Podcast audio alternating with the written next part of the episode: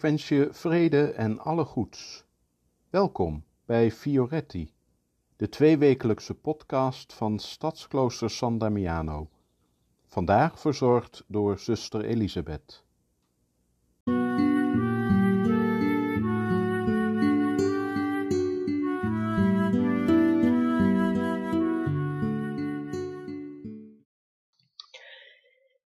Deze periode van het jaar is uitermate geschikt om te wandelen. Misschien doe je het zelf ook wel graag.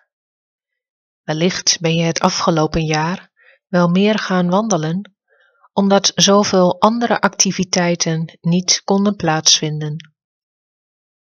Je kunt zomaar een wandeling in de buurt maken waar je woont en genieten van de natuur in je omgeving. Sommige mensen zoeken nog een diepere laag in het wandelen. Dat zijn de pelgrims. Zo kun je bijvoorbeeld het Pieterpad gaan lopen. Misschien ken je de pelgrimsroute naar Santiago de Compostela wel, of heb je een voetreis naar Assisi gemaakt. Sinds kort heeft Noord-Brabant ook een eigen pelgrimsroute. Het heet ons kloosterpad. Stadsklooster San Damiano is het begin en eindpunt van deze wandelroute, die 330 kilometer lang is en langs 50, soms voormalige, kloosters en abdijen in Midden- en Oost-Brabant loopt. Zo maak je al wandelend kennis met de verschillende kloosters onderweg. Bijna dagelijks komen er bij ons klooster nu pelgrims aan de deur.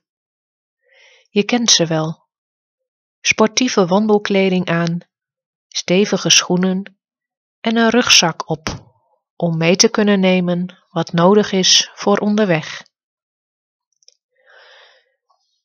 Pelgrimeren is al zo oud als de mensheid en komt voor in vele godsdiensten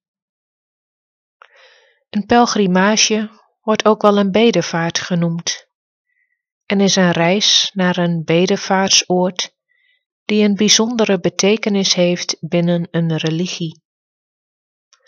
Het kan zijn dat de plaats verbonden is met de stichter of een heilige van een religie, of op een andere manier een belangrijke plaats inneemt in de geschiedenis van een religie.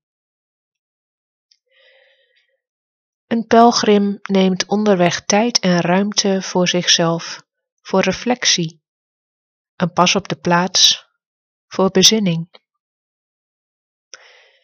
Pelgrimeren wordt ook wel gezien als wandelen met je ziel, luisteren met je hart en zo het geheim van het leven op het spoor komen. Als je pelgrimeert, verlaat je je eigen thuis en wandel je vanuit vertrouwen zonder controle en zonder vooropgezet plan, behalve dat je wellicht je bestemming plant. Je weet niet welke mensen en welke omstandigheden je onderweg zult tegenkomen. Zo is er ruimte voor onverwachte ontmoetingen, voor verrassingen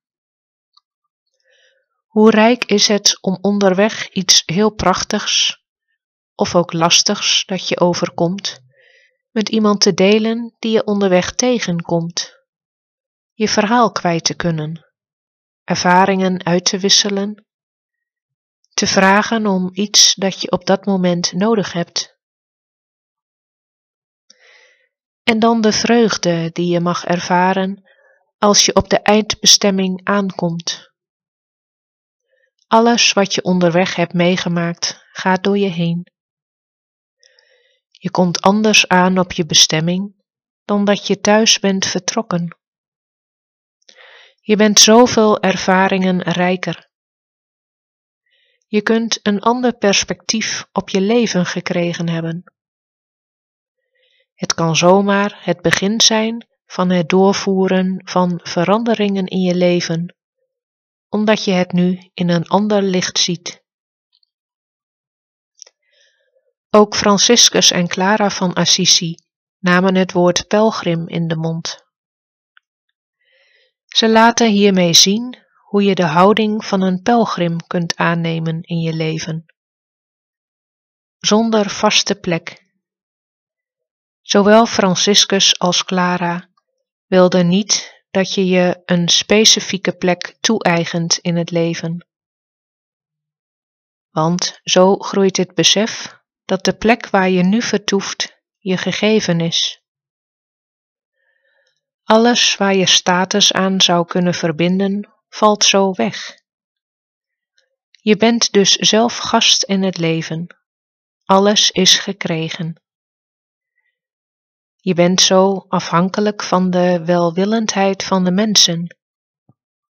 Niet omdat dat goedkoper is, maar om bewust in relatie te kunnen treden met de ander die je op je levenspad tegenkomt. Je kiest de mensen niet zelf uit die je onderweg tegenkomt. Ze vallen je toe. Door iets van deze houding in je leven aan te nemen, krijgt de geest van Pinksteren ruimte om in je leven werkzaam te zijn.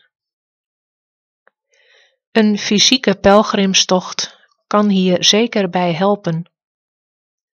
Je bent welkom om ons kloosterpad te komen bewandelen. Maar je kunt ook pelgrimeren in je ziel vanuit je huis. Misschien is dat wel nog uitdagender. De mogelijkheden zijn grenzeloos.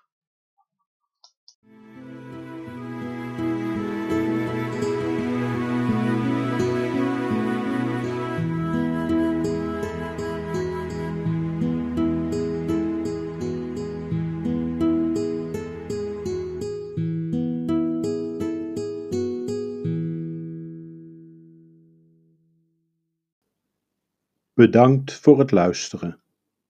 Tot over twee weken en tot die tijd vrede en alle goeds.